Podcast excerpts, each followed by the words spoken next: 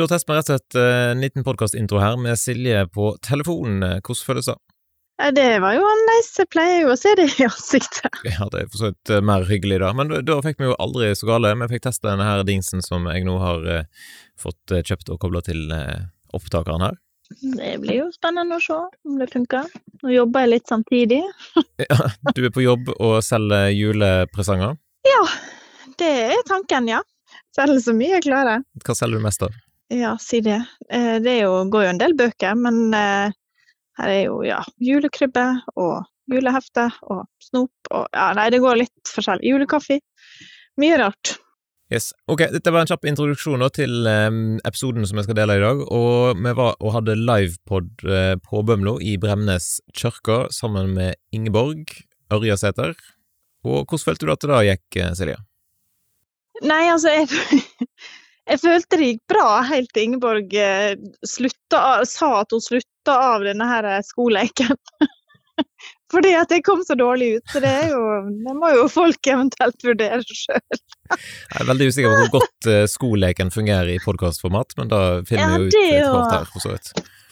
Ja, det kan bli spennende. Men det var en sånn klassisk bryllupslek der en skal finne ut hvem som ja, veit mest om den andre, eller noe sånt. Ja, hvor godt vi kjenner hverandre, eller? Ja, jeg vil jo påstå at vi kom relativt godt ut av det. Ja da. Det- det, Du gjorde iallfall det. Episoden blir sånn at um, Ingeborg hun har et, uh, en introduksjon slash seminar, veldig masse bra der, så folk uh, forhåpentligvis får litt uh, verdi ut av, og så var det da en samtale med oss. og dette er jo et opptak ifra ei kirke, så lydkvaliteten er jo ikke helt optimal, kanskje, pluss av en eller annen mystisk, eller jeg vet ikke hva grunn, eh, så er jo min lyd betraktelig mye lavere enn deres. Hva kommer det av, Silje, tror du? Nei, det vet jeg ikke. Nei da, men jeg har prøvd å justere og, og trikse og mikse litt, sånn at eh, forhåpentligvis er det mulig å lytte seg gjennom for de som vil. Ja, satser på det. Eh, men det var, det var jo stas å kjøre en sånn live-pod, egentlig. Da, så da, hvis noen lytter og har lyst til å invitere oss på besøk, eh, så må de jo bære det. Ja, ja, ja, klar. Eller så stresser du med juleting, både på jobb og hjemme, eller? Eh, mest på jobb akkurat nå. Høres ut som du pakker Men, inn et eh, eller annet. Jeg, jeg, jeg går litt rundt. jeg rydder litt imens.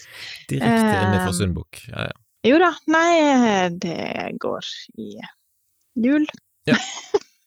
Sånn er det. Det gjør jo det. Uansett, du må ha en fin dag på jobb, og så eh, må du som lytter forhåpentligvis eh, kose deg med resten av eh, podkastepisoden. Ja, det håper vi. Og så snakkes vi igjen i neste episode, som Katrine pleier å si. Da lytter du til Ekteskapspodden med Kjetil. og Silje. Og nå er vi kommet til sesong tre. Yay. Og i sesong tre så skal vi ha spennende gjester på besøk her i studio og ta opp eh, aktuelle tema. Så vi håper at du har lyst å lytte til podkasten vår. Og slå gjerne følge med Ekteskapspodden på Instagram. Der kan du f.eks. òg sende oss en melding og si hva du syns om podden, eller sende oss spørsmål.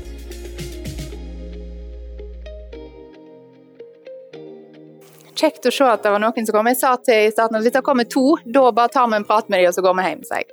Dere er flere enn to, det er veldig hyggelig. Ingeborg Ørjasæter heter jeg. Jeg er mm, 36 år. Eh, Og på lørdag så gikk jeg i spagat eh, med en feil i, eh, mens jeg var badet med ungene mine, så jeg går litt rart. Jeg anbefaler ingen voksne folk som ikke har gått i spagat før, å gjøre det i svømmehallen. Eh, Det gjorde ganske vondt. Så til vanlig så er jeg ikke sånn veldig tøyelig og bøyelig og sprek 36-åring, men jeg er gift, har eh, tre små barn mellom eh, 11 og 5. Jeg er sykepleier av grunnutdanning, og så har jeg videreutdanning i eh, sexologi og familieterapi.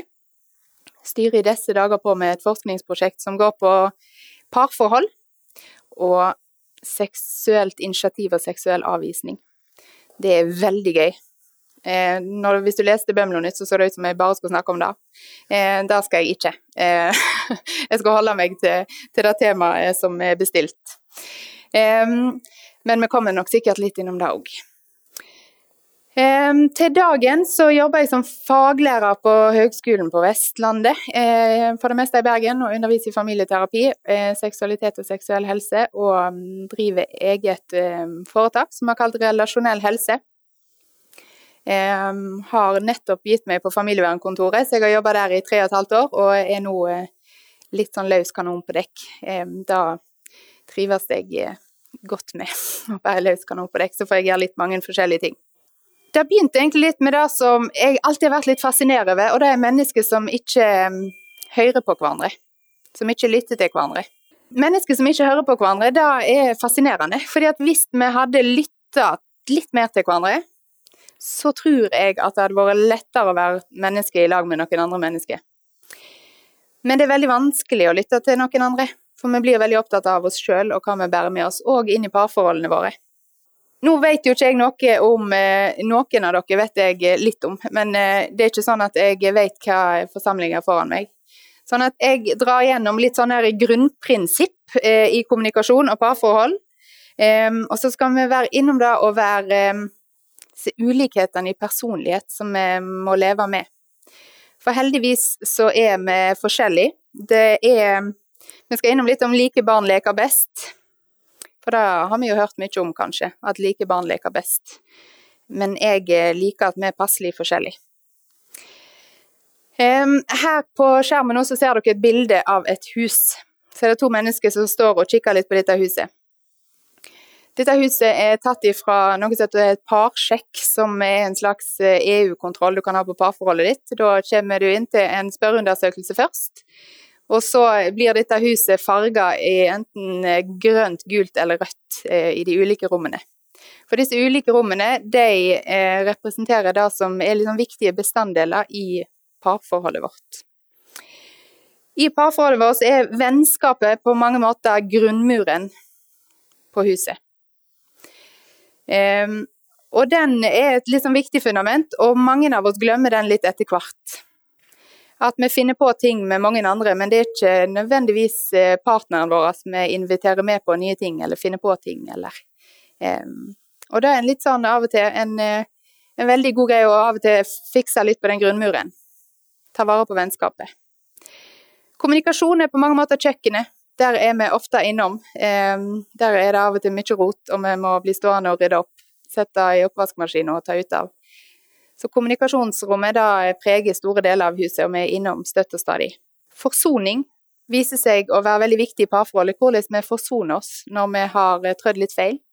Når det er stor avstand, eller vi har gjort eh, noe som er dumt for oss sjøl eller for den andre.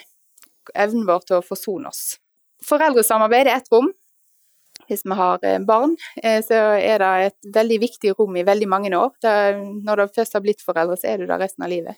Men det er sånn at det er litt sånn ulike livsfaser der det er, brenner litt mer i det rommet eh, enn andre livsfaser. Sexlivet er et eget rom i huset som er veldig forskjellig hvordan vi har både møblert og hvor mye språk vi har for å snakke om det. Om det er et litt sånn eh, og alle rommene kan jo egentlig være et litt sånn mørkt, rotete rom som vi egentlig ikke forholder oss veldig mye til. Det er ikke så hyggelig å være i det rommet. Og det er et mål at dette huset skal være sånn at alle de ulike rommene kan vi være innom. Eller vi har gjort det sånn noenlunde hyggelig, og noenlunde ok å være i. Tillit og forpliktelse eh, kan på mange måter ses på som veggene i huset vårt. Og summen av alt dette blir taket og parforholdets tilfredshet. Så har vi noen ting som ligger over oss, som er en sånn konstant som vi må leve med. En av de er eksternt stress. Barn kan påføre et parforhold veldig mye eksternt stress, altså det som kommer utenfra. Vi har veldig mange både gode og dårlige svigermorvitser eller andre ting. Altså det er mange ting som kan skape eksternt stress i et parforhold. Tidsklemmer. Det er mange, veldig mange dømmer på hva som kan oppleves som lave skyer over parforholdet vårt. Psykisk sårbarhet. Vi bærer jo alle med oss noe fra både egen barndom og eget liv, og måte å reagere på. Så en psykisk sårbarhet ligger der òg, i oss alle sammen. Og forskjeller i personlighet. Fordi de aller fleste av oss finner noen som er passelig forskjellig fra oss sjøl. Det er veldig sjarmerende i starten, og så er det fryktelig irriterende etter hvert. Når disse forskjellene blir veldig synlige. Vi tåler litt mer av disse forskjellene i starten. Egentlig heldigvis. Jeg har lyst til å begynne med litt sånne gode nyheter. Fordi at jeg er en person som når jeg leser VG og Dagblad, så blir jeg litt irritert. Fordi det kan jo se ut som at det står veldig dårlig til eh, med oss eh, mennesker, og med familien, eh, egentlig, når du leser VG og Dagbladet. Dagblad. For de har noen sånne klikksaker som de vil at du skal klikke deg inn på. Eh, der det høres ut som at egentlig de fleste parforhold er ganske ræva. Det er veldig mange gode grunner for å gå fra hverandre, eller at familie er en dårlig idé. Så har vi en del undersøkelser som er ganske nylig gjort, som viser seg at det er ikke helt sånn det står til. For familien som institusjon, institusjon står kjempesterkt i Norge. Og det er veldig få som egentlig eh, rapporterer om konfliktfylte relasjoner. Og det betyr ikke at det ikke er det, men at det er få sett i den store sammenhengen. Familien eh, blir oppgitt til å ha en veldig assistent... Nei, jeg fikk ikke til å si det ordet. Jeg prøver å lese det. Essensiell funksjon for emosjonell støtte. Samholdet mellom generasjonene er betydelig, og de fleste eldre oppgir å ha god kontakt med sine voksne barn. Over 60% av voksne er sammen med sine foreldre vekentlig eller oftere, og tallet står seg uendra fra 60-tallet. 80% har sine voksne barn buende nærmere enn 50 mil. 5 mil, tulla. Familiesystemene har vist seg å være veldig fleksible, og de takler egentlig endringer ganske godt. Og i Norge gjelder det òg for samboerskap. Og antall skilsmisser er synkende og er nå på om lag 38 og det syns jeg er litt sånn viktig, at vi må snakke opp familien, og vi må snakke opp relasjonene vi står i, selv om det innimellom kan være vanskelig, og de aller fleste av oss har noen relasjoner rundt oss som er vanskelig og trøblete. Men allikevel så er dette med relasjoner, det å få være menneske i lag med andre mennesker og høre til, ekstremt viktig for oss. Så vi må huske å snakke det litt opp. Og er det sånn at like barn leker best? Så ser jeg på dere. Jeg er litt opptatt av om dagen at samfunnet vårt er nå i en sånn tid der det er ekstremt fokus på at vi må gå i takt. Og så gir vi egentlig det motsatte. Det blir veldig polariserte debatter når vi er veldig opptatt av at vi må gå i takt. Fordi at vi må øve oss på at vi er litt i utakt. Vi må øve oss på de ubehagelige følelsene det er, eh, å gå i utakt med andre, ha litt andre meninger. Eh, og se verden litt annerledes enn andre, uten at vi alltid skal få de til å være helt lik oss sjøl men å være litt nysgjerrig på hva den andre mener, eller den andre, hvordan den andre forstår verden. Men det er ikke avgjørende at vi skal gå i takt. Nå om dagen så går jeg på, eller i høst har jeg vært på mange foreldremøter, og det syns jeg er veldig fascinerende. At uh, vi sitter på foreldremøte, og så er vi veldig opptatt av at vi skal gjøre alt helt likt. Sånn at vi skal bestemme om er det lov å sykle til skolen eller ikke når du da går i fjerde klasse, f.eks. Det skal alle gjøre helt likt. Selv om noen har kjempefin vei så de fint kan sykle på, mens andre må krysse både den ene og den andre veien, eller at det er egentlig livsfarlig å sykle. Men vi skal si ja eller nei, f.eks. Vi skal gå i takt. Eller dette med aldersgrense og spill og og de fleste sitter jo da ikke ærlig nødvendigvis, sant? for det blir veldig fokus på at vi skal gå i takt, vi skal mene det samme, men vi gjør jo nødvendigvis ikke det. Og av og til så har vi veldig godt av å øve oss på å være litt i utakt. Det syns jeg er en fin ting å øve seg på, men det genererer litt ubehagelige følelser og litt frustrasjon og litt irritasjon.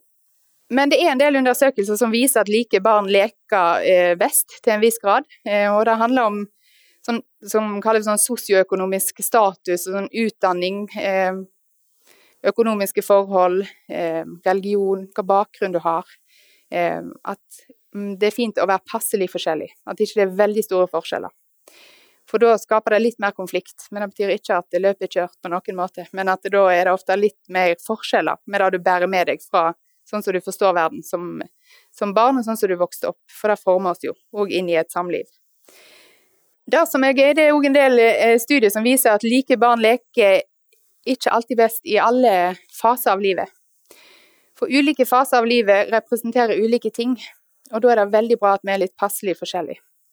Og at vi da ser at her er det bra at vi er litt ulike, og at vi er gode på litt forskjellige ting. Da skal vi få kjørt Silje og Kjetil litt på etter hvert. Hvor gode de er på å takle disse her forskjellene med å spille det inn live i tillegg. Det blir bra. Veldig mange kommer i parterapi, og så eh, karikerer de litt, for du, du, du, er lei. De aller fleste eh, Gjennomsnittet for å ta kontakt med en terapeut er at du har hatt det ganske fælt med partneren din, eller har hatt noe som du har syntes var vanskelig i seks år. Så det vil si at ganske mange har gått med ganske ugne følelser ganske lenge. Og det er jo ikke rart at eh, de gode følelsene forsvunnet litt på veien, når det tar mange år.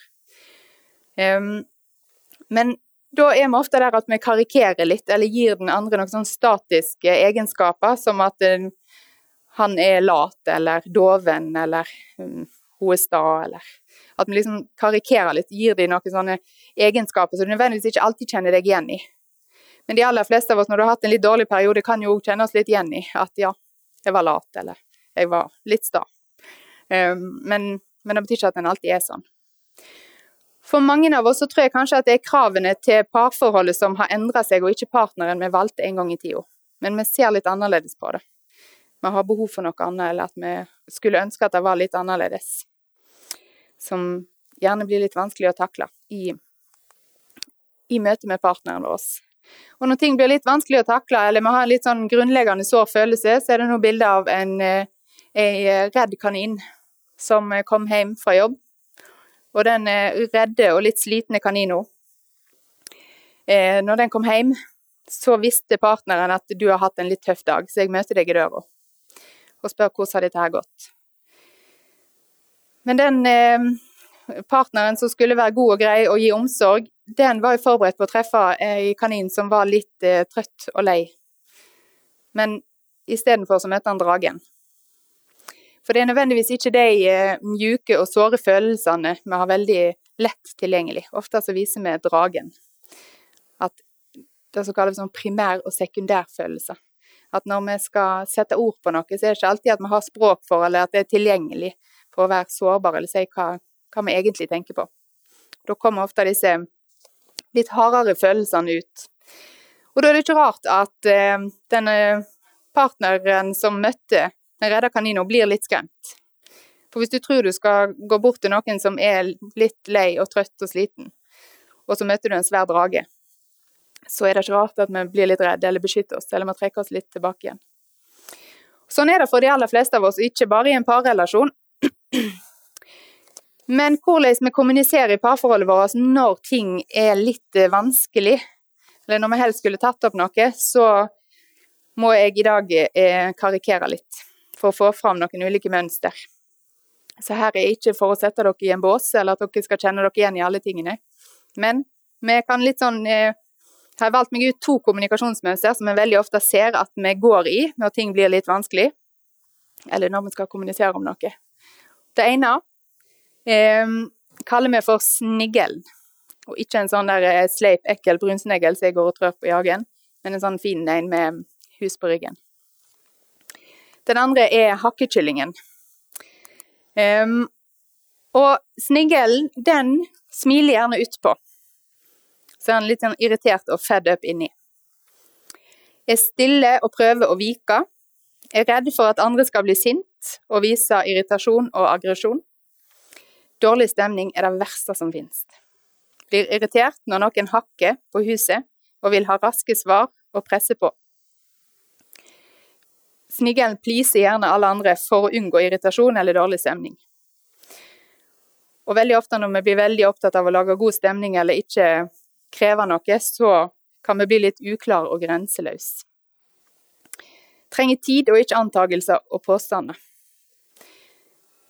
For hvis sneglen blir trua, eller opplever at her var det dårlig stemning, så er det veldig fort gjort å trekke seg inn i huset sitt.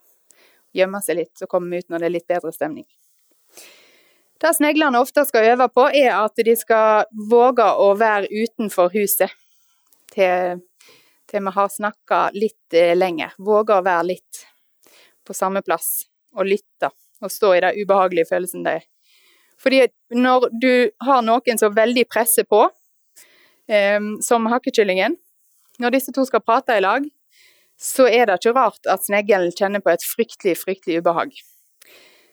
For det er ikke uvanlig at sneglen er sammen med hakkekyllingen.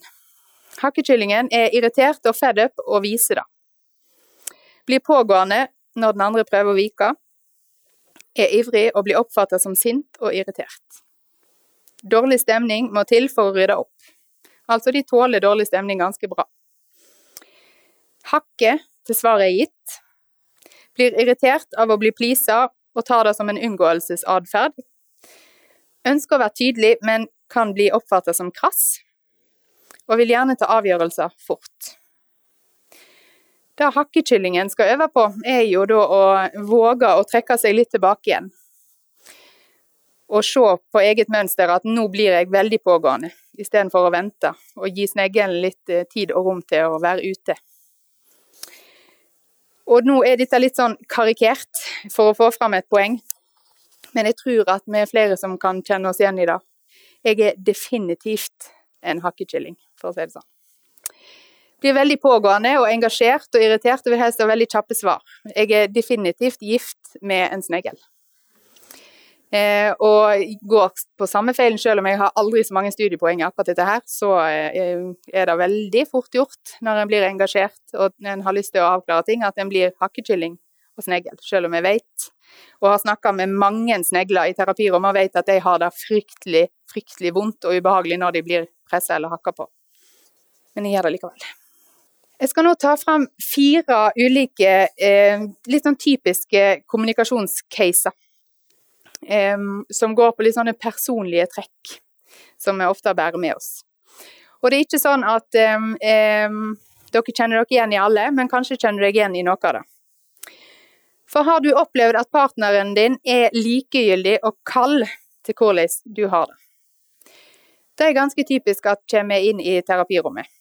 Det den andre da sier, den som da blir oppfattet som likegyldig og kald, er 'jeg er ikke en tankeleser'. Jeg kjenner ikke de samme følelsene som deg i de samme situasjonene. Det betyr ikke at jeg er likegyldig, men at en ser verden litt annerledes. Det er ikke så lett å vite akkurat hvordan andre har det, og da blir en gjerne oppfattet som kald eller likegyldig. Men de sier ikke sjøl at det er det de er. Kommuniserer du av og til med en partner som har følelser på full pinne. Og tanker om psykisk sykdom og dramatilstander har egentlig slått deg. Den som blir oppfattet som litt drama-queen, den sier 'jeg trenger å bli validert og lytta til'. Å bli validert i en følelse er at du får lov til å sette ord på hvordan du har det. Eh, og at du får anerkjennelse for at hvis det var sånn du opplevde det, så er det ikke rart du ble sint eller irritert eller redd eller fortvila. Det betyr ikke at jeg er enig, for jeg var kanskje i samme situasjonen, men hvis det er den opplevelsen den personen hadde, så er det ikke så rart han blir redd eller fortvila. Når jeg blir avvist, kritisert eller blir gitt råd til når en egentlig trenger å bli lytta til, så koker følelsene. Da å gi et råd til noen, det er en utrolig dårlig idé, med mindre de ber om et råd. For da blir det ofte mange følelser.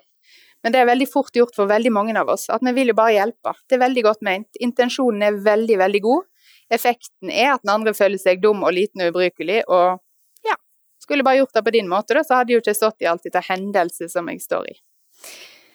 Så da å la den andre få lov til å sette ord på, på det han kjenner på, og lov, få lov til å bli lytta til, gjør ofte at disse følelsene legger seg litt ned. Og ikke minst så får de da lov til å regulere seg sjøl litt, komme seg inn i eget vindu igjen, der de kjenner at ok, her kan jeg puste igjen, her er det greit å være. Og det gjør vi ofte med hjelp av andre sin lytteteknikk.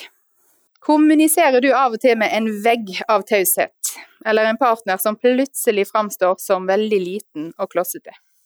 Den som blir oppfattet som liten og klossete eller taus, sier sjøl alt stopper opp når jeg blir kritisert og hakka på. Den andre virker irritert, utålmodig og sint, og jeg skjønner ikke hvorfor. Jeg blir redd for å si noe feil og svare unnvikende. Jeg vet ikke. Kanskje. Nikka. Vil ikke komme i enda mer trøbbel. Får ei sterk kjensle av å måtte trekke seg tilbake igjen. Gå ut, se på mobilen eller stenge litt ned for å orientere seg litt i hva er det som egentlig skjer. Eller kommuniserer du med en negativ partner som oser av kritikk og motstand? Den som blir oppfattet som kritisk, eller som eh, sier nei til alt først, eller har masse motstand i seg, sier sjøl 'jeg trenger tid til å svare', tenke og organisere meg. Forberedelse og varsla tema er min sterke side. Spontanitet og plutselig gode ideer, derimot. Det kan godt være jeg sier ja til å bli med etter hvert, men min første umiddelbare tanke er som regel nei. Og da å ikke bare anta at vi forstår den andre, men å faktisk sjekke ut. Det er en sånn god tanke at der vi er veldig forskjellige i parforholdet vårt, så skal vi la det ligge. La det være litt i fred. Ikke lag så masse styr ut av det. Eh, og det kan være veldig smart av og til. Men da å faktisk sette ned tempoet og sjekke litt ut, og spørre, undre seg eh, og være litt nysgjerrig på hvordan tenker du nå? Hvordan forstår du verden? For noen av oss kan vi ha stor glede av å sjekke ut alt fra eniagrammet til disk til disse ulike personlighetstestene. Og så er det alltid noen, og da skjønner vi som driver med det, hva personlighet er, som har veldig sånn motstand mot å bli satt i bås og ikke vil og sånn. Og det er helt greit. Men noen syns det er kjekt med sånne ulike sånne personlige trekk, og bli kjent med hvem egentlig er jeg, og hvordan ser jeg på verden, og hvordan forstår jeg når partneren min snakker til meg. Og hvordan blir jeg forstått.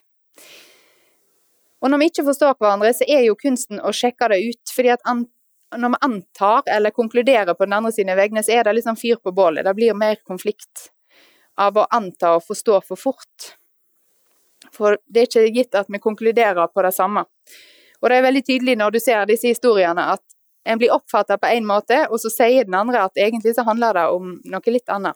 Det er ikke for å være kald eller avvisende, f.eks. Og hvis du da setter deg ned med det formålet at nå skal jeg lytte, prøve å forstå, for her er det et eller annet som er litt vanskelig, her er vi veldig uenige, og du blir eh, oppfatta som at nå er du kritisk og anklager meg, så er det lov å begynne på nytt og spørre hva er det nå jeg gjør som gjør at du oppfatter meg som kritisk og anklagende? Fordi det kule med relasjoner er at det går an å reparere, og det går an å begynne litt på nytt av og til. Når en ser at en går inn i akkurat det samme mønsteret igjen, når ting blir litt, litt vanskelig. Det å være nysgjerrig på den andre, det er jo noe vi slutter med relativt fort i parforholdet vårt. Det er mange studier som er gjort som viser sånn ca. sju år ut i parforholdet, så blir det litt for trygt. Da tar vi den andre litt for gitt. Da går vi litt mye rundt i pysjamasbukser og ikke ordner oss og steller oss noe særlig, og bare slenger oss på sofaen, og vi tar oss ikke sammen på samme måte som vi gjorde kanskje før.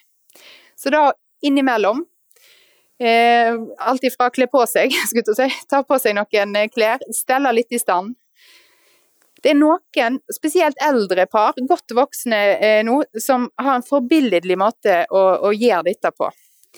Eh, og jeg var hos et eldre par, så spurte jeg etter at jeg hadde vært gift i 75 år, så spurte jeg eh, hva, gjør dere dette her hver dag? Ja, vi må jo dekke, jeg må jo dekke på bordet foran, sa hun. For hver dag så tok hun alt pålegget ut av kjøleskapet og dekte på bordet til frokost. Og, og jeg tenkte litt sånn, dette hadde jo ikke jeg gidda. Hvis det bare sitter to stykker igjen De hadde hatt seks barn som på et eller annet tidspunkt hadde bodd hjemme. Um, og masse folk. Men så gjør de det likevel som en sånn god vane. Og det er glimrende god vane. Og faktisk av og til gidde å gjøre noen av disse tingene som eh, å stelle litt i stand. Ta seg litt sammen. Ikke alltid. Eh, men tenke litt over innimellom at nå viser jeg veldig mange av de veldig trygge sidene av meg sjøl, for jeg vet at vi tåler hverandre. Det er jo en tillitsting. Eh. At vi viser disse sårbare og litt kjipe sidene av oss sjøl. Men innimellom gjør det litt fint for den andre òg. Det som er litt eh, fiffig med parforhold, er at på mange måter så kan du si at det er mm, som et eh, kinderegg. Jeg har meg et kinderegg. Eh, selv om jeg har avslørt til Kjetil at jeg, ikke, jeg er en av veldig få som ikke liker sjokolade.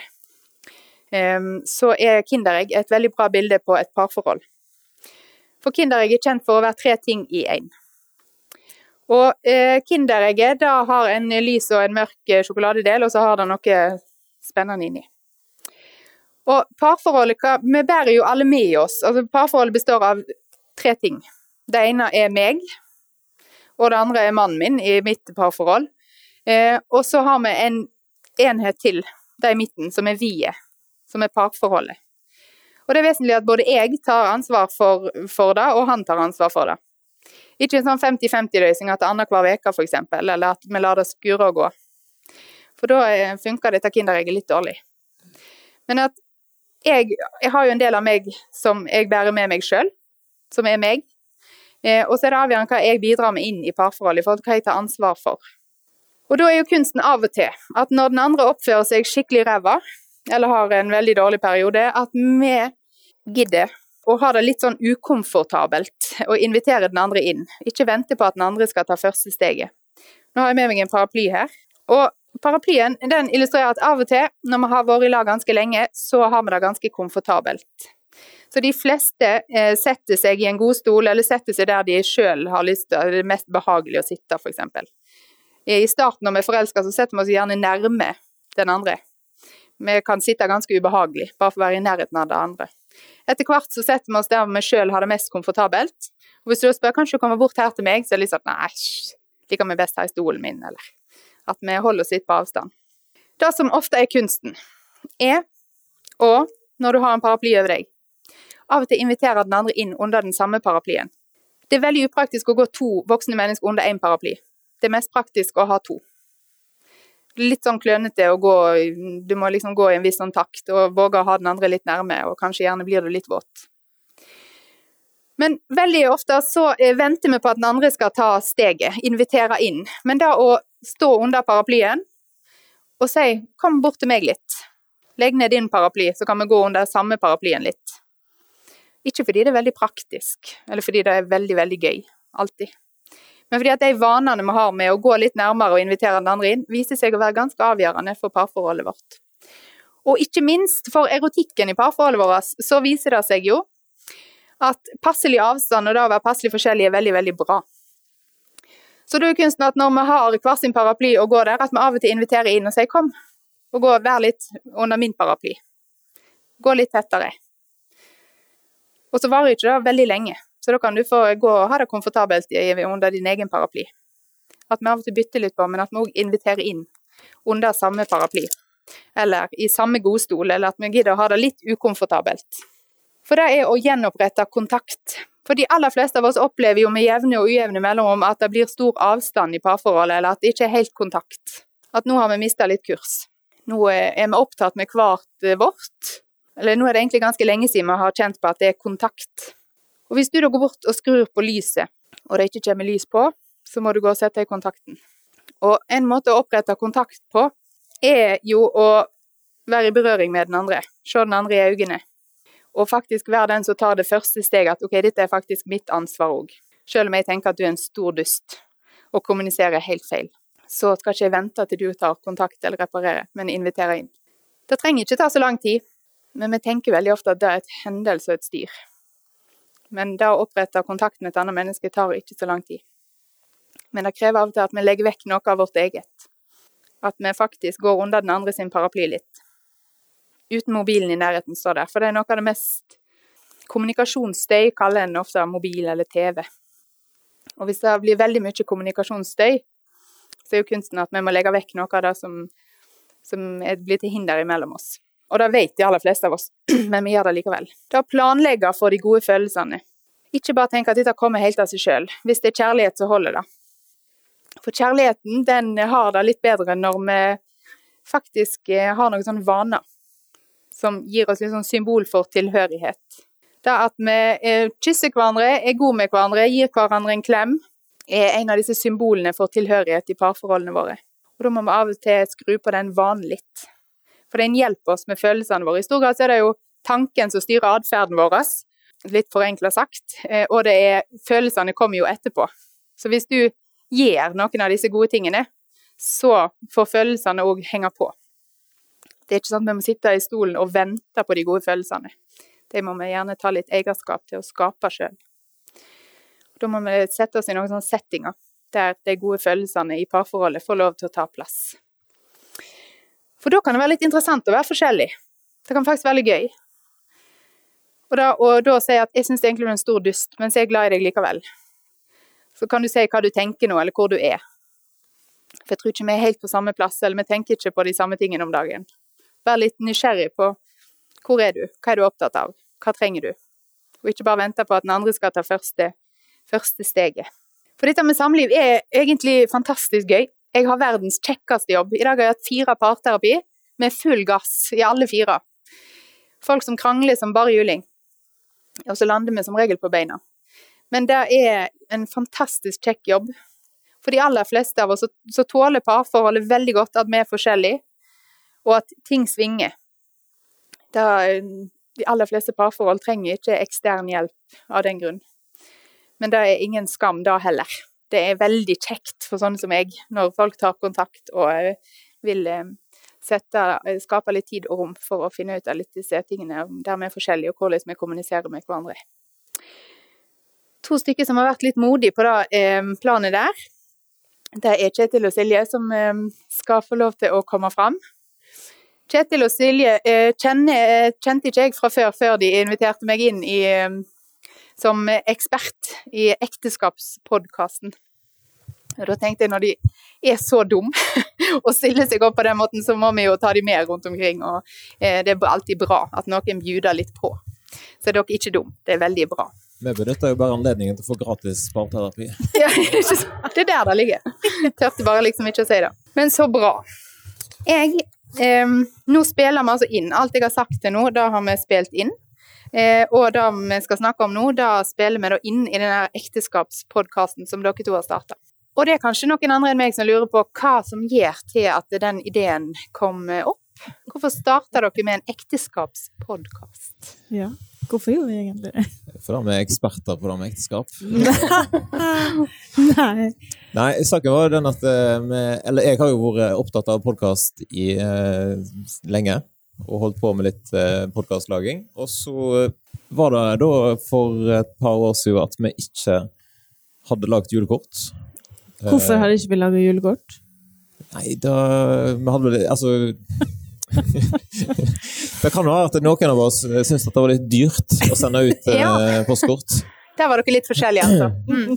Og så hadde jeg den gode ideen. Vi kan bare spille inn en episode, så legger vi den ut på nettet, og så sender vi den på e-post til folk, og så er jo det gratis og mye kjekkere enn å få et sånn julekort i posten. Ja, Så det var jo kreativt tenkt. Eh, Og så fant vi ut at det er jo kjekt å sitte her og prate, for jeg har jo et sånt podkaststudio i kjelleren. Hvorfor har du det? Kan du si litt hva du jobber med, eller hva Jeg jobber i tro og medie til vanlig, og så eh, har jeg òg en annen podkast som heter Sunnhordlandpodden, og så ja, generelt veldig glad i podkast. Mm. Og da har vi studio i kjelleren. Da har du studio i kjelleren. Og der vågde dere å sette dere ned og fortelle litt om eh, deres eh, liv, rett og slett. Ja, det var jo det at vi hadde etter den jula, eh, når vi ikke sendte julekort, så hadde vi 20-års bryllupsdag eh, i juni året etterpå. Og så glad som Kjetil er i podkasten, så sa han skal vi spille inn 20 episoder? og så fortelle vår historie, da. Mm. Eh, så det gjorde vi. Og det var veldig gøy. Så her gøy. er vi. Ja. For veldig spesielt interesserte, for Ja. å si det sånn. Ja da. Det er jo, men det var jo litt gøy at det, eh, selv om det var litt sånn for spesielt interesserte og folk som kjente oss på en måte for 20 år siden og reiste på leir på Fjelløy eh, i Bergen, Sotra, ja. Eh, så var det på en måte noen sånne universelle temaer, da. Sånn at eh, det kunne vært til hjelp, liksom. Det var litt sånn Oi, det var kjekt. Ja. Det er litt sånn ekstra. Mm. Ekstra kjekt. Ja, du sendte jo for så vidt en melding, gjorde du det? Ganske tidlig, at uh, podkasten hadde vært med og inspirert noen folk til å Jeg hørte om podkasten deres i uh, terapirommet, tror jeg.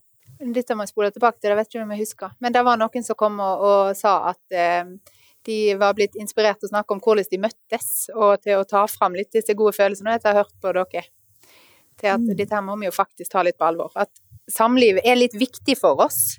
Og da er det faktisk litt viktig at vi holder det som er viktig, litt viktig. Det er lett å på en måte glemme alle ting, for det er alltid noe som er viktig. Men eh, da eh, å ha, å ha en partner og ta vare på det er ganske viktig for oss. Så da å faktisk ta det litt på alvor, og løfte samtalen og spole litt tilbake igjen og fortelle historien, har nok, jeg tror for mange av de som har hørt, vært litt viktig, selv om det er en intern greie for dere, så eh, genererer nok da noen samtaler eh, ute blant folk. da. Hvordan møttes egentlig vi? Sant? Og så invitere inn eksperter, sånn som deg. Det er jo Ingeborg sin episode som er den mest populære gjennom tidene. Eller den første som du var med i. Ja. Den handler om sex. Det selger alltid eh, veldig bra. Det er rart med det. Mm. Men vi snakker ikke så mye om det. Men, eh, men eh, allikevel så syns folk det er litt spennende og kjekt. Mm. Så det er jo bra, da. Ja da. Mm. Det funka, det. Men det var litt pinlig nå. Eller det var pinlig. Altså, dattera vår på 18 år spurte hva episode som var mest likt, da. Så sa jeg det var den om sex, og da Ja. Det var liksom OK, hvorfor Ja. spurte jeg? Angrer på at du hadde spurt. Ja. Ja. Men det var jo litt interessant at uh, venninnene til hun de satt jo og hørte på, på Ekteskapspodden i lag på Framnes på internatskole. Liksom. Ja da. Så jo hadde strikkeklubb og hørte på oss! det rareste folka som hører på. Nei, det er rareste, det er ikke rare. Men ikke du tilfelle høre? Nei da. Men altså, en har jo virkelig sluppet kontrollen, og dere vet jo ikke hvem som lytter. Nei, det er helt sant. Og dere redigerte vekk litt i den episoden med meg, altså. Jeg vil påstå at den juicy, bra delen, den redigerte de altså vekk, så kan dere få lure Ja, på det. Men, eh, det- men det er helt lov, dere skal få eie det helt sjøl. Men det er jo interessant at vi, vi fikk jo på bryllupsdagen vår så fikk vi jo en, et strikka um, sitteunderlag. Ja. Håndbrodert og greier med liksom Silje og Kjetil på. Ifra en person som jeg aldri har møtt. Ja. Eller, jeg- Og vi fikk penger til å gå på øh, gå, Altså, vi fikk, vi fikk rett og slett penger på konto som vi skulle bruke på en date. Ja, sant. Det Og, sånn. og det er litt sånn øh, Ja. Dere har en fanklubb, rett Ja, og slett. det var Så litt sånn Vi er glad i begge to. Ja. Ja. Nei, men det var, det var jo litt sånn ut av kroppen-opplevelse. Men veldig, veldig Ja, så artig. Og jeg tenker jo at det er veldig, veldig bra, og litt sånn gratulerer med dagen, at noen tar dette litt på alvor og løfter samtalen litt og snakker om det. Fordi dette er en veldig, veldig stor del av livet vårt for de som eh, har et samliv. Eh, så, og de som ikke har det, og de ønsker seg veldig ofte et samliv. Så dette er ganske sånn stor del av oss. Eh, og så allikevel så lar vi det veldig ofte skure og gå.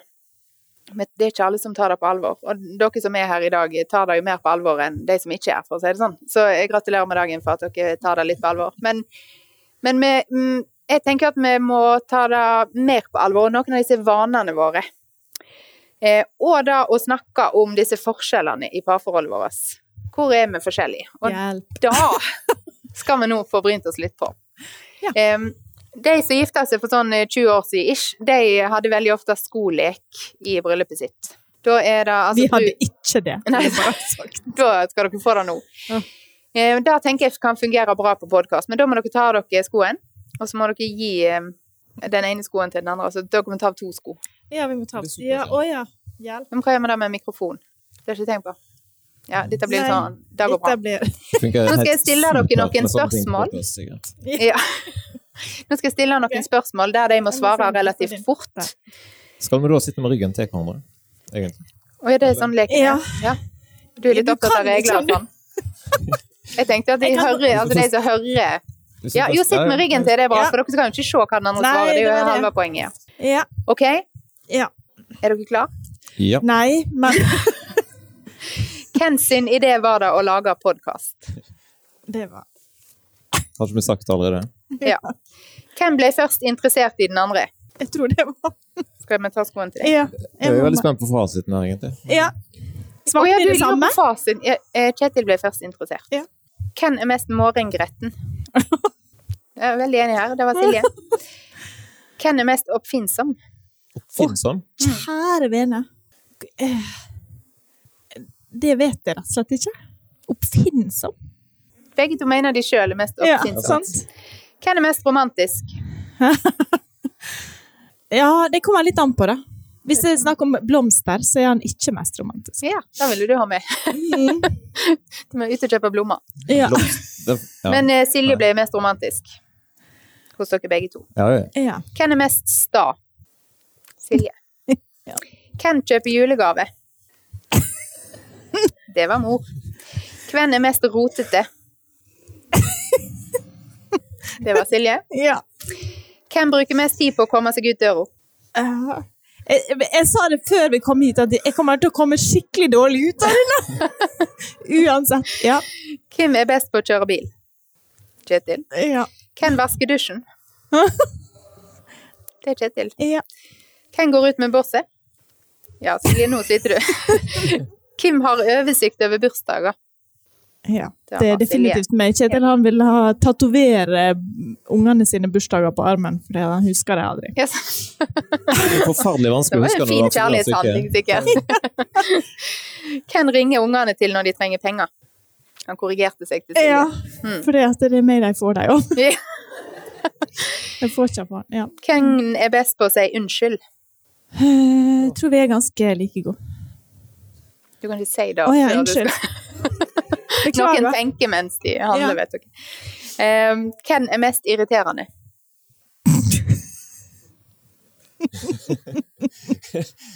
Ja, bare vær ærlig!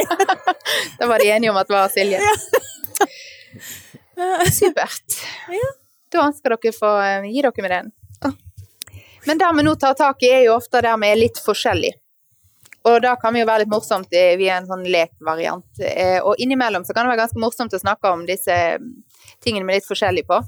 Jeg var òg gjest i podkasten deres når vi snakket om eh, Da var det et spørsmål dere hadde fått inn i forhold til eh, grensa mellom erting og flørting.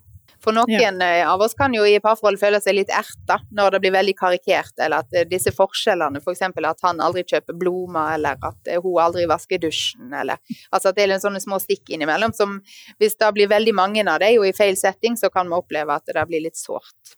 Men er det noen andre forskjeller dere to eh, har som er ganske sånn tydelig at dere er forskjellige på? Ja. Eh, introvert og ekstrovert Ja. er vi jo. Ja. Og for de Han, som han, ikke er, han er introvert. Eh, inviterer to på besøk, da har han det veldig bra. Eller vær for seg sjøl på hytta eller et eller annet. Jeg er motsatt. Inviterer 60 stykker på besøk. Jeg er motsatt. Ja, det er ikke tull engang. Nei. Jeg bare trykker på vennelista, og så teller jeg etterpå. Ja. Du bare bjuder på. Yep. Ja, liker litt sånn kaos og at ting skjer. Ja. For de som ikke kjenner til uttrykkene introvert og ekstrovert, hva er det å være introvert, Kjetil?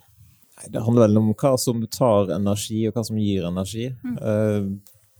Jeg kan godt være eh, i lag med masse folk, men det tapper også veldig masse energi. Sånn at eh, da må du ha litt tid for deg sjøl for å lade batteriet. Ja. Mens ekstrovert lader batteri Mens mens du er i lag med folk. Så der er dere litt forskjellige. Veldig. En smule. En smule. Men det har gått bra over mange år, da. Men det har vært en forskjell dere har vært klar over. Ja, det har gått bra fordi jeg har en snill mann. Ja. Mm. ja. Så greit. Han er raus Tålmodig og snill mann. Ja, Ja. så bra. Vi trenger alltid at eh, noen er litt snill og raus med oss. Mm. Er det andre eh, plasser dere er veldig forskjellige? Eh, Ja. det er jo masse, for å si det sånn. Men eh, vi snakket jo litt i forkant, og dette med økonomi, eller måten å eventuelt bekymre seg for økonomi, eller ikke bekymre seg for økonomi, er vi kanskje litt eh, forskjellige på. Det, vi er veldig forskjellige i hva vi bekymrer oss for, Ja. Ja. eh, vil jeg jo bare si. Eh, du bekymrer deg mye for økonomi, jeg bekymrer meg mye for barna. Ja, Altså, så kan ta hver sin bekymring. Ja. ja. Og det er egentlig veldig deilig, for hvis vi skulle vært bekymret for begge deler, begge to, så hadde det blitt forferdelig slitsomt. Ja. Syns jeg, da. Ja. Synes Så dere er fornøyd med at dere er passelig forskjellige? Ja. Ja.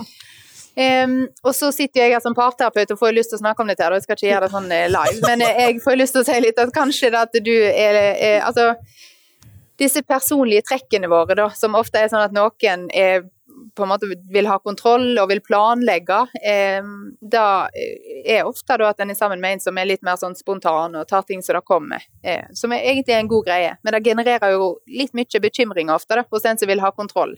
Eh, eksempel på økonomien. Hvis noen andre da bare Pst, det går bra, det ordner seg.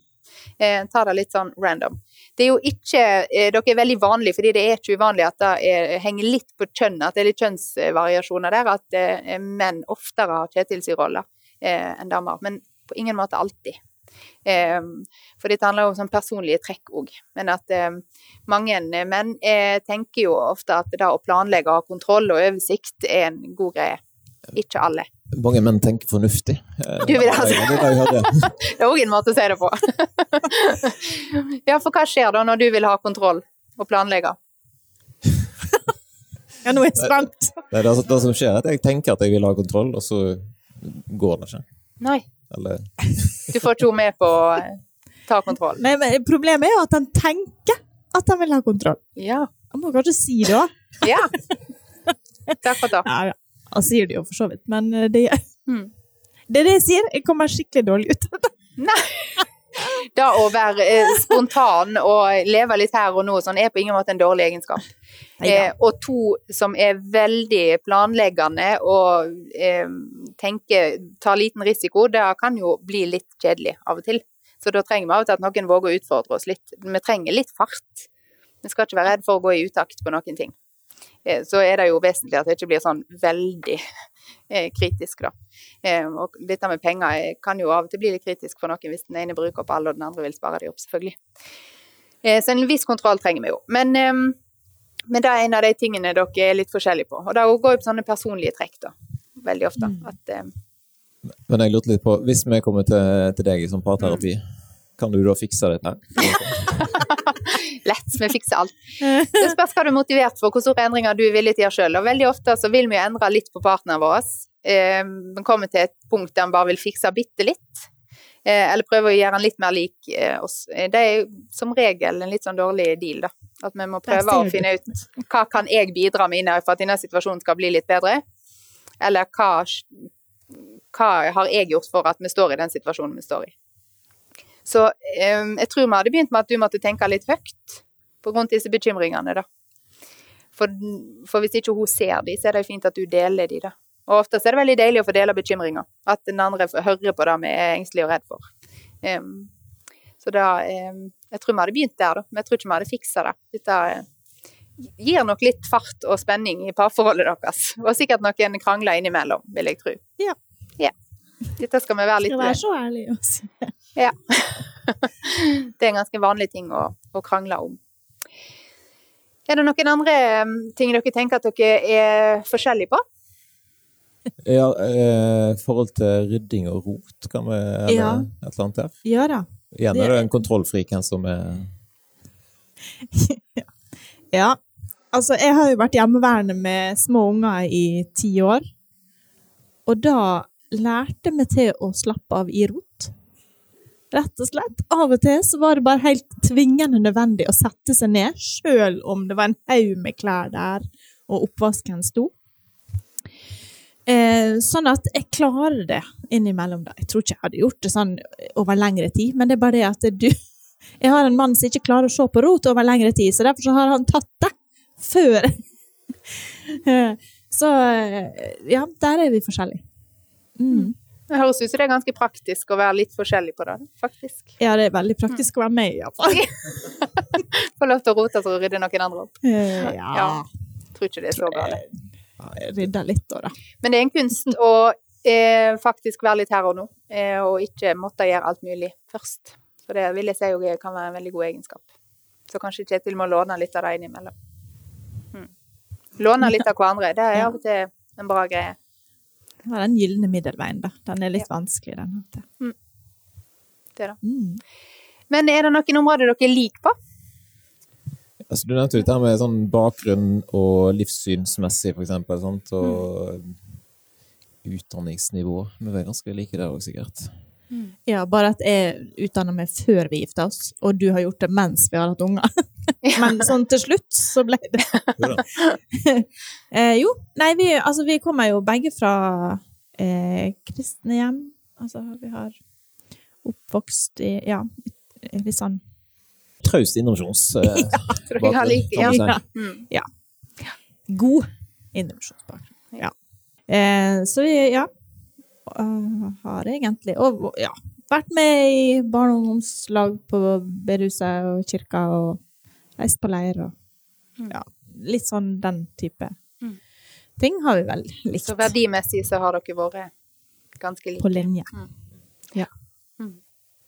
Veldig, det, ja, det har vært veldig bra, da. Hva har dere um, Hvis dere nå ser tilbake på Hvor mange episoder har det blitt? Er det blitt mer enn 20? Ja. Jeg har ikke telt, Nei, jeg har ikke, fordi at eh, sesong to Den ble litt sånn til mens vi Ja, nå må vi ta en episode. Ja. Nå har det skjedd noe. Eh, så jeg har faktisk ikke helt oversikt. Nei, men vi snakker om en 50-ish. Såpass, ja. Ja, 50? Ja. Det det. Har dere Ja, samtaler jo da. utenom òg, eller er det alle Altså, samtaler det er Nei, det var litt når det, var, når, det gikk, når det gikk litt sånn lang tid mellom, så var det sånn OK, nå må vi faktisk ned og, og prate. Ja, for du merker da at Fordi eh, at eh, ja, Ja. for det var der vi hadde Vi hadde jo date i kjelleren en gang i uka. Ja. En periode. Ja, men det er jo sånn som du hadde på skjermen der, om å skru av mobiltelefonen, se hverandre i øynene og prate, liksom. Det er jo det vi gjør. Så egentlig bør jo alle bare starte en egen podkast. Ja. Kjetil kan hjelpe dere. Ja, altså jeg har, jeg har en podkast om podkast, så hvis du vil vite alt om å gjøre podkast, så kan du Da kan du faktisk gjøre det. Ja, men altså, og det handler jo om vanen, da. Altså, eh, det å ha en vane i at nå skal vi ta litt temperaturene, eller nå skal vi prate i lag. Det betyr ikke at vi skal sette oss ned og holde hendene og gjøre alt veldig sånn feminint og veldig sånn koselig eh, hele veien, men da å faktisk sette seg ned og gjenopprette kontakt med den andre, eh, lytte og ta det Ja, rett og slett eh, se hverandre inn i øynene. Det eh, har jeg veldig, veldig trua på. Ja. Trenger jo ikke lage podkast, da. Men Nei, kan gå en tur, eller Kan gå en tur, ja. ja, Mm. gjøre hva som helst. Altså. Men når dere nå ser tilbake på det er jo 50 episoder ish, eh, hva har vært mest eh, lærerikt, eller hva tar dere med dere fra dette prosjektet? Ja, altså det er jo da, det er viktig å gjøre ting i lag som en syns er gøy. Og vi Ja. har syntes at det har vært gøy å lage podkast, Mm. Sånn at da Ja. tror jeg jeg tar de viktigste tingene vi tar med. Altså å finne ting som en kan gjøre i lag. Mm. Det er enig. enig. Er det noen tema som har vært eh, vanskelige? Ja, jeg vil jo påstå at sextemaet, det var jo det som var jeg mest spent på på forhånd. Eh, fordi at det er jo ikke sånn som vi, som sagt, eh, traust indrepresjonsbakgrunn. Det er jo ikke sånn som en nødvendigvis prater sånn mye om. Eh, og, og sånn. Så der var, men, så der var vi mest, vi planla, og var veldig sånn bevisst på hva vi sa og sånn. Så det er vel kanskje den som har vært i forkant mest. Jeg har iallfall vært mest spent på det. Men det gikk jo Det gikk veldig bra. Ja, var, var ikke Og så så episoder om økonomi var jo selvfølgelig utfordrende. Eh, og så hadde vi jo en om sorg og om, om tap. Sant? Altså, det er jo ganske personlige ting som du prater om. Hva tema har eh, gått lett, og hva har vært eh, De andre? Alle de andre. Eh, Nei. Nei, altså å snakke om historien vår, hvordan vi ble i lag og, og, og, og sånne ting, det gikk jo veldig lett. Ja, og, og kjekt å mimre tilbake om dårlige sjekketriks og Ja. den slags. Ja. Ja, det er jo litt sånn, det blir jo en slags minnebok for ungene våre, da, når vi ikke er Altså istedenfor å skrive bok, sånn som mine foreldre gjorde, Ja. så Eller min søster gjorde om mine foreldre. Mm. Så, så har de på en måte Kan de gå tilbake igjen Ja. høre. Kanskje, har, ikke, eh, kanskje ikke alle, men, men jeg kan iallfall. Ja. Ja. For dere har jo litt mange barn. Hvor mange barn har dere?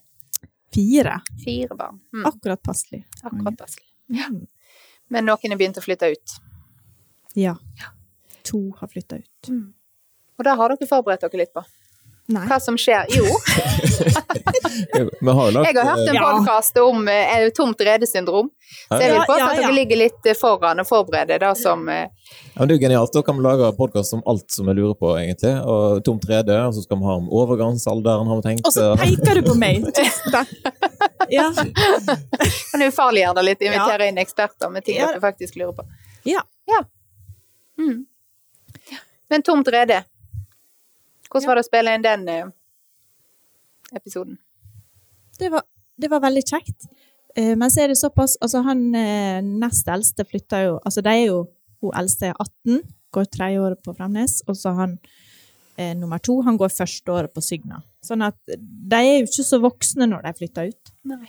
Eh, så jeg, det har vært verst for meg. Det er en overgang, da. Ja, er en Og for parforhold så er det en veldig sånn eksternt stress eh, da, og at det plutselig skjer et litt sånn rolleskifte. For når vi sier tomt rede, så er det altså når barna flytter ut. Eh, og det er eh, skrevet ganske mye om i litteraturen. altså Det kalles for empty nest-syndrom, altså tomt rede-syndrom. Eh, fordi da skjer det noe med parforholdet vårt der vi må orientere oss litt på nytt.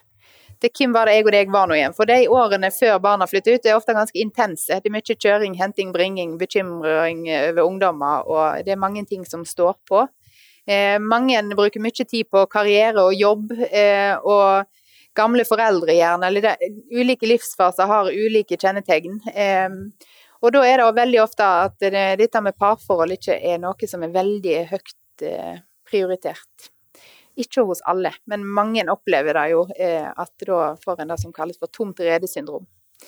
Eh, og det er veldig nyttig å snakke igjennom og ta litt på alvor, eh, sånn at ikke alle tingene kommer så bardust på. Så jeg syns det var veldig bra at dere hadde tatt med disse tingene. Overgangsalder. Jeg jobber masse med kvinner i overgangsalder som skaper masse relasjonsproblem, så eh, det er bare å Ja, det er bare å ta de forkant, Ja. Alle overganger er sårbare, så, så det er bare Det er veldig fint at dere setter lys Ja. på. Altså, jeg syns jo det eh, er litt viktig å snakke om ting som ikke er så vanlig å snakke om, da. Og der mellom overgangsalder, for eksempel. Ja. Altså, det er sånne ting som eh, Ja. Når du kommer opp i det sjøl, så tenker du 'Å ja, hvorfor, hvorfor visste jeg ikke dette?' Eller hva? Fordi det er ingen som har prata om det før. Mm. Litt sånn, eh, ja. Fjerne noen tabu er litt bra. Ja, Absolutt. Og det at det er på en måte Nå må jeg ikke fornærme dere, da, men vanlige folk. Altså, og det er ikke fornærma i Nei, det det er bra. Du finner ikke mer vanlige folk enn oss. Nei, det er bra. Men det at vanlige folk snakker om vanlige tema, som de aller fleste av oss kan kjenne seg igjen i, det er veldig, veldig nyttig. Um, så kan du jo få sitte hjemme i egen stue og lytte på disse podkastene, da. Uh, og det finnes mange eh, ulike podkaster om uh, uh, kommunikasjon og samliv og ting en kan høre på og finne noe som en liker. Men det å Eller lese ei bok. Eh, gjør Altså ta dette litt på alvor. Les høyt. Prat gjennom ting. Eh, innimellom ta temperaturen på hvordan en har det i lag. De aller fleste kjenner jo på sånn overveldende takknemlighet for å være to, når en oppretter kontakt eh, med den andre. Er, men da må vi på en måte gjøre noen av disse handlingene som gjør at vi oppretter kontakt. Og det trenger ikke være så fancy eller så voldsomt. Det trenger ikke være 50 episoder podkast. Eh, men det er kjekt at noen har eh, gjort det. Bjuda på på den måten. Eh, hva er den kjekkeste tilbakemeldingen dere har fått? Jeg tror, det er mange, da, faktisk. Men den ene det var, Jeg tror det var fra deg. Jeg tror det var den Kjetil snakka om i stad. Eh, når vi hadde bibelskolelæreren på Bildøy på eh, bes, Ikke besøk, det var vel litt på telefonen, var ikke det? Ja. Eh, og, og du snakka om at det var noen som hadde fått en sånn aha-opplevelse av at å, hun kan faktisk eh, kjenne seg elska av at jeg tar oppvasken. Altså, for det at det er kjærlighetsspråkene, ja. Kjærlighetsspråkene. Ja. Mm. Så det å få tilbakemelding på at vi har snakka om noe som hjalp noen andre i deres forhold, det syns jeg var veldig Ja. Det var kanskje det mest rørende. Og så er det jo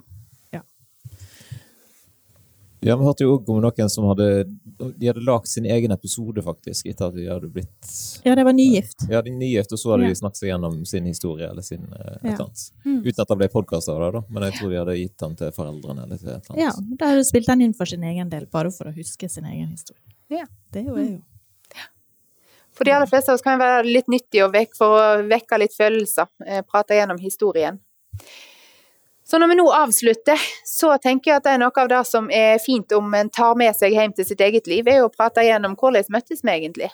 Eh, hva skjedde egentlig? Hvorfor er det oss to som sitter her? Eh, og våge å legge litt eh, til rette for disse gode følelsene. Eh, og våge å snakke om de tingene som, der en er litt forskjellig. Det er nødvendigvis ikke farlig, men eh, tro meg at hvis eh, du kjenner deg igjen i at du er en eh, sniggel, så oppleves det jo som litt farlig. Fordi dårlig stemning kjennes som litt faretruende, unødvendige ting å, å holde på med. Men eh, dårlig stemning må av og til litt til, sier jo hankekyllingen. Så da å låne litt av hverandre og eh, tenke litt dette er du faktisk god på. Si til den andre du er god til å holde roen i noen situasjoner, eller du er flink til å ta opp ting.